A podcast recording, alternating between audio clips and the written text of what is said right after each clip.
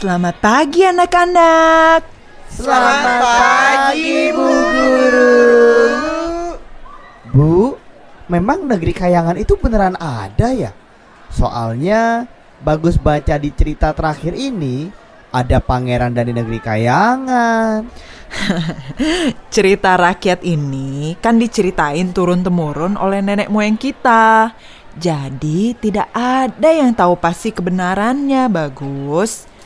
Ada yang bilang mitos, tapi ada juga yang percaya. Tapi yang sudah pasti bisa kita ambil manfaatnya adalah nilai-nilai kebaikan dari cerita tersebut. Seperti cerita Lutung Kasarung berikut ini.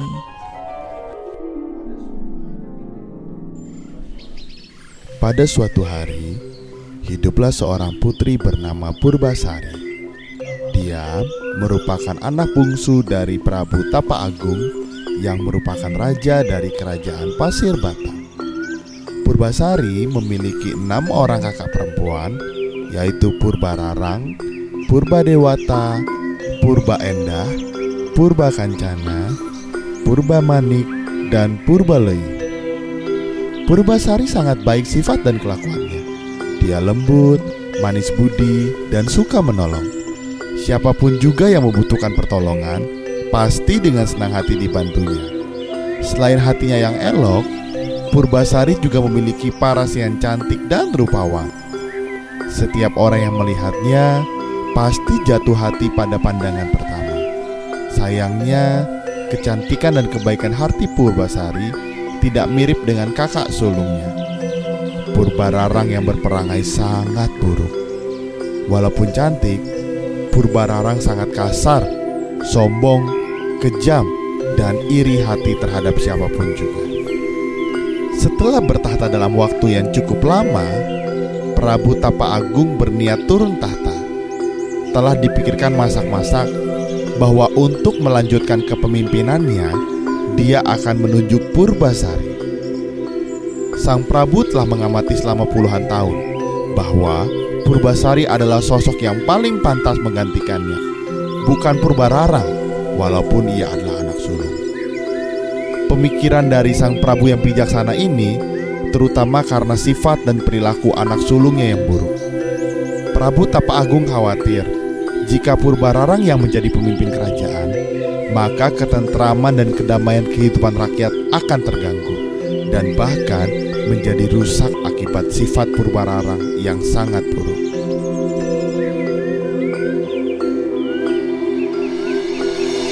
Di hadapan seluruh pembesar kerajaan dan juga ketujuh putri kesayanganku, aku, Prabu Tapa Agung, Raja dari Kerajaan Pasir Batang, menyerahkan tahta kerajaan kepada Purbasari. Prabu Tapa Agung lantas meninggalkan istana kerajaannya untuk memulai hidup barunya sebagai petapa. Purbararang marah luar biasa mendapati tahta kerajaan Pasir Batang diserahkan kepada adik bungsunya. Maka, berselang satu hari sejak penobatan Purbasari menjadi ratu kerajaan Pasir Batang, Purbararang dan Indrajaya tunangannya meminta bantuan nenek sihir untuk mencelakai Purbasari.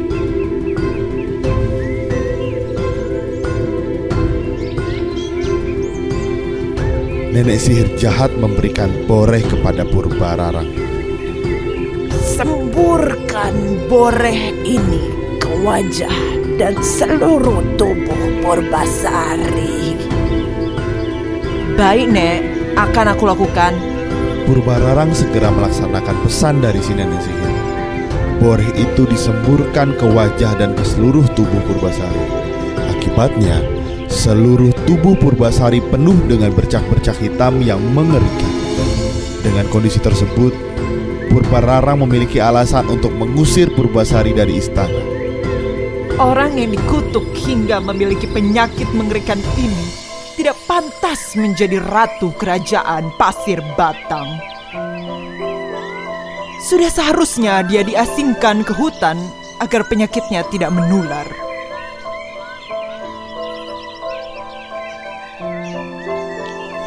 Purbararang kemudian mengambil tahta kerajaan Pasir Batang. dia memerintahkan Uwak Batara, penasihat istana kerajaan, untuk mengasingkan Purbasari ke hutan.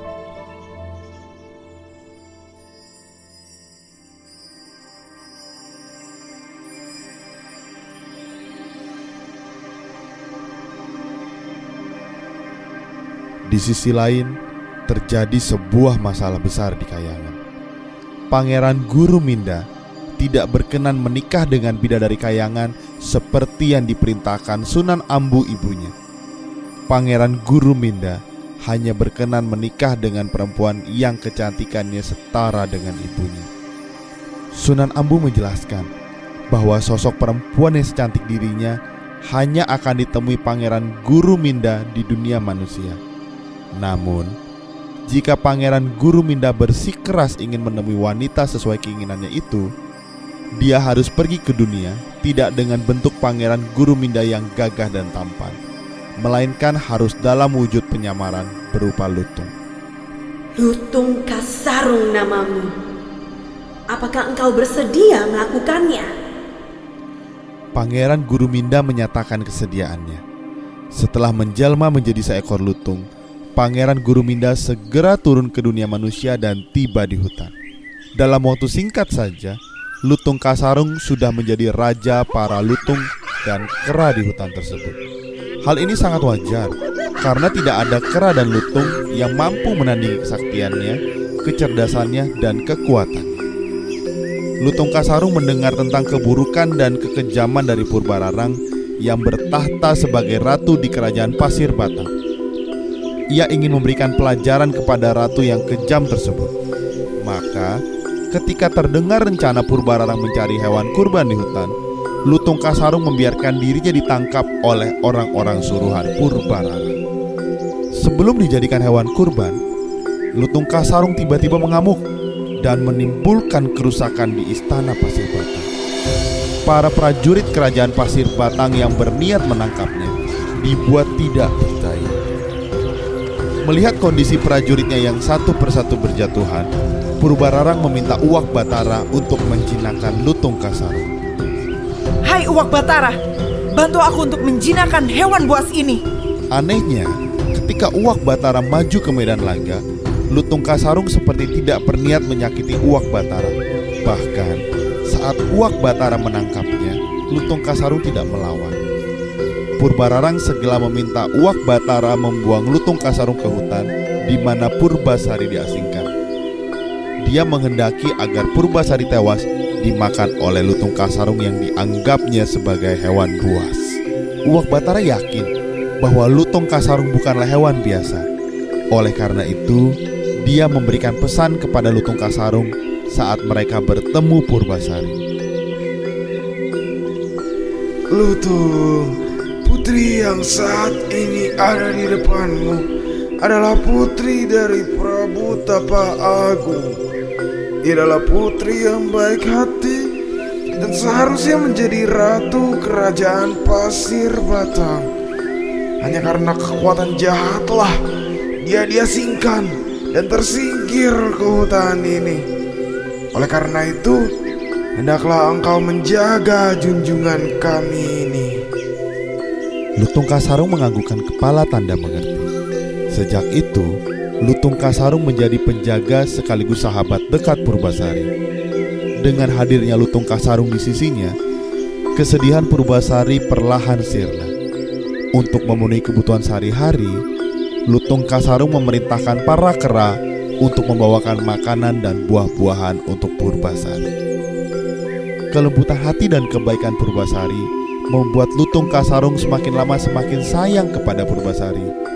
Sedangkan sikap tanggung jawab, kepemimpinan, dan kecerdasan dari Lutung Kasarung membuat Purbasari menjadi jatuh cinta. Tanpa diketahui Purbasari, Lutung Kasarung memohon kepada ibundanya Sunan Ambu untuk membuat taman yang indah dengan tempat pemandian untuk Purbasari. Sunan Ambu lantas memerintahkan para dewa dan bidadari turun ke bumi untuk mewujudkan keinginan dari putranya.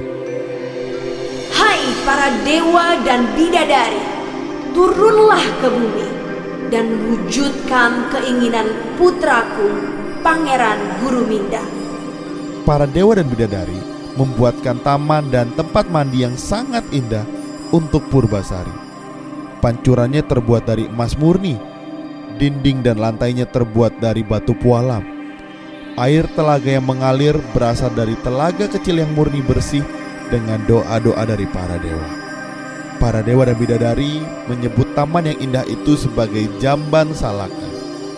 Selain dibuatkan telaga dan taman yang indah, para bidadari menyiapkan beberapa pakaian indah untuk Purbasari. Pakaian itu terbuat dari awan yang lembut dengan hiasan batu-batu permata dari dalam lautan. Tidak ada pakaian di dunia ini yang mampu menandingi keindahan pakaian Purbasari. Pada saat melihat telaga dan pancuran yang indah, Purbasari segera mandi untuk membersihkan diri.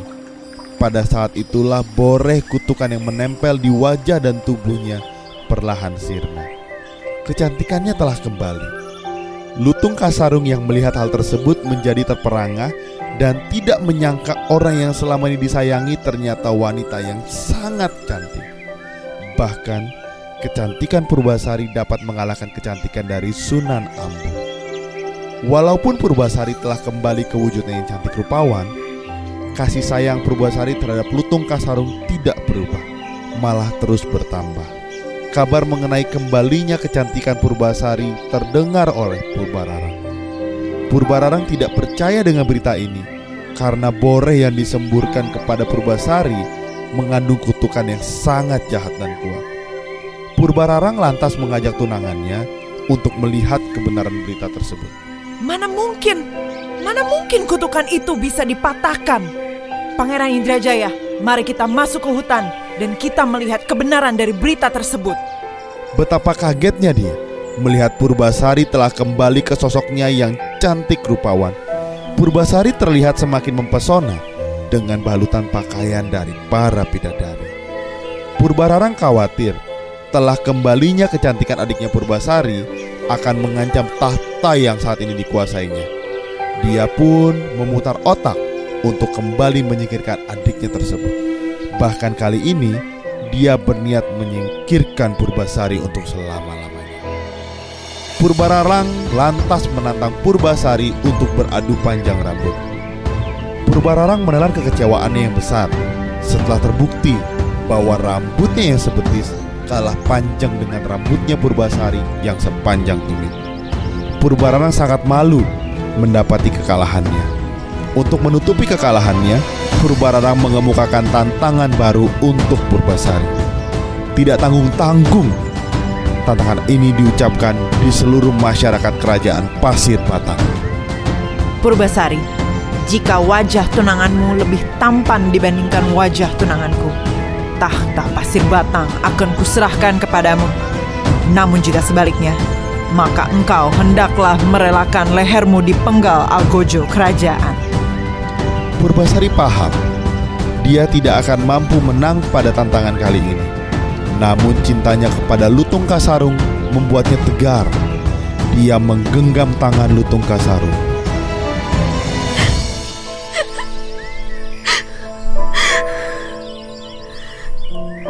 Lutung Kasarung, aku tetap mencintaimu dan ingin engkau menjadi suamiku.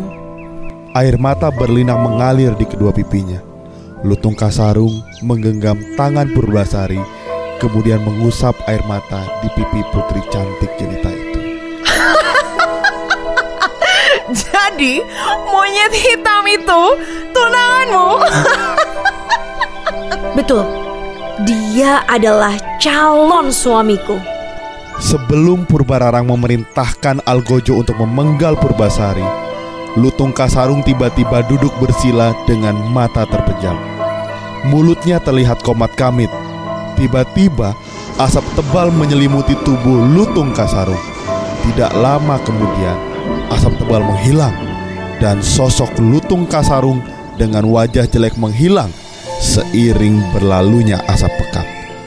Lalu muncullah sosok pangeran Guru Minda yang sangat tampan dan gagah. Terkaget-kagetlah semua yang hadir di tempat itu.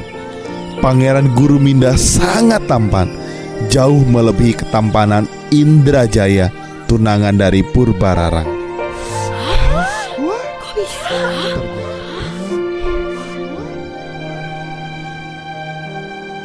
Seluruh rakyat memilih Pangeran Guru Minda sebagai pria yang lebih tampan.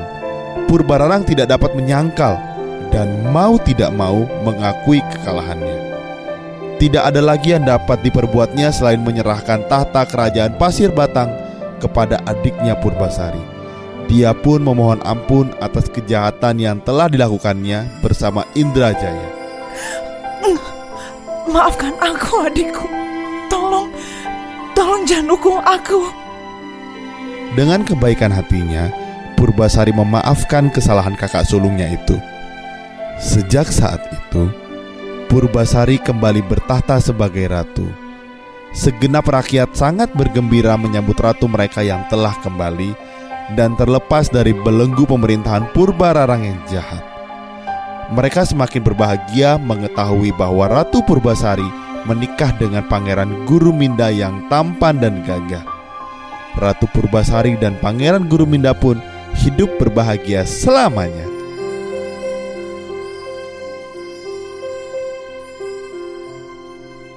Nah, demikian cerita Lutung Kasarung.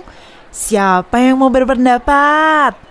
Seperti cerita-cerita yang sudah kita dengarkan sebelumnya, aku merasa ada satu hal yang selalu mengingatkan kita, Bu. Apa itu happy? Kita harus selalu berbuat baik karena kebaikan akan selalu menang.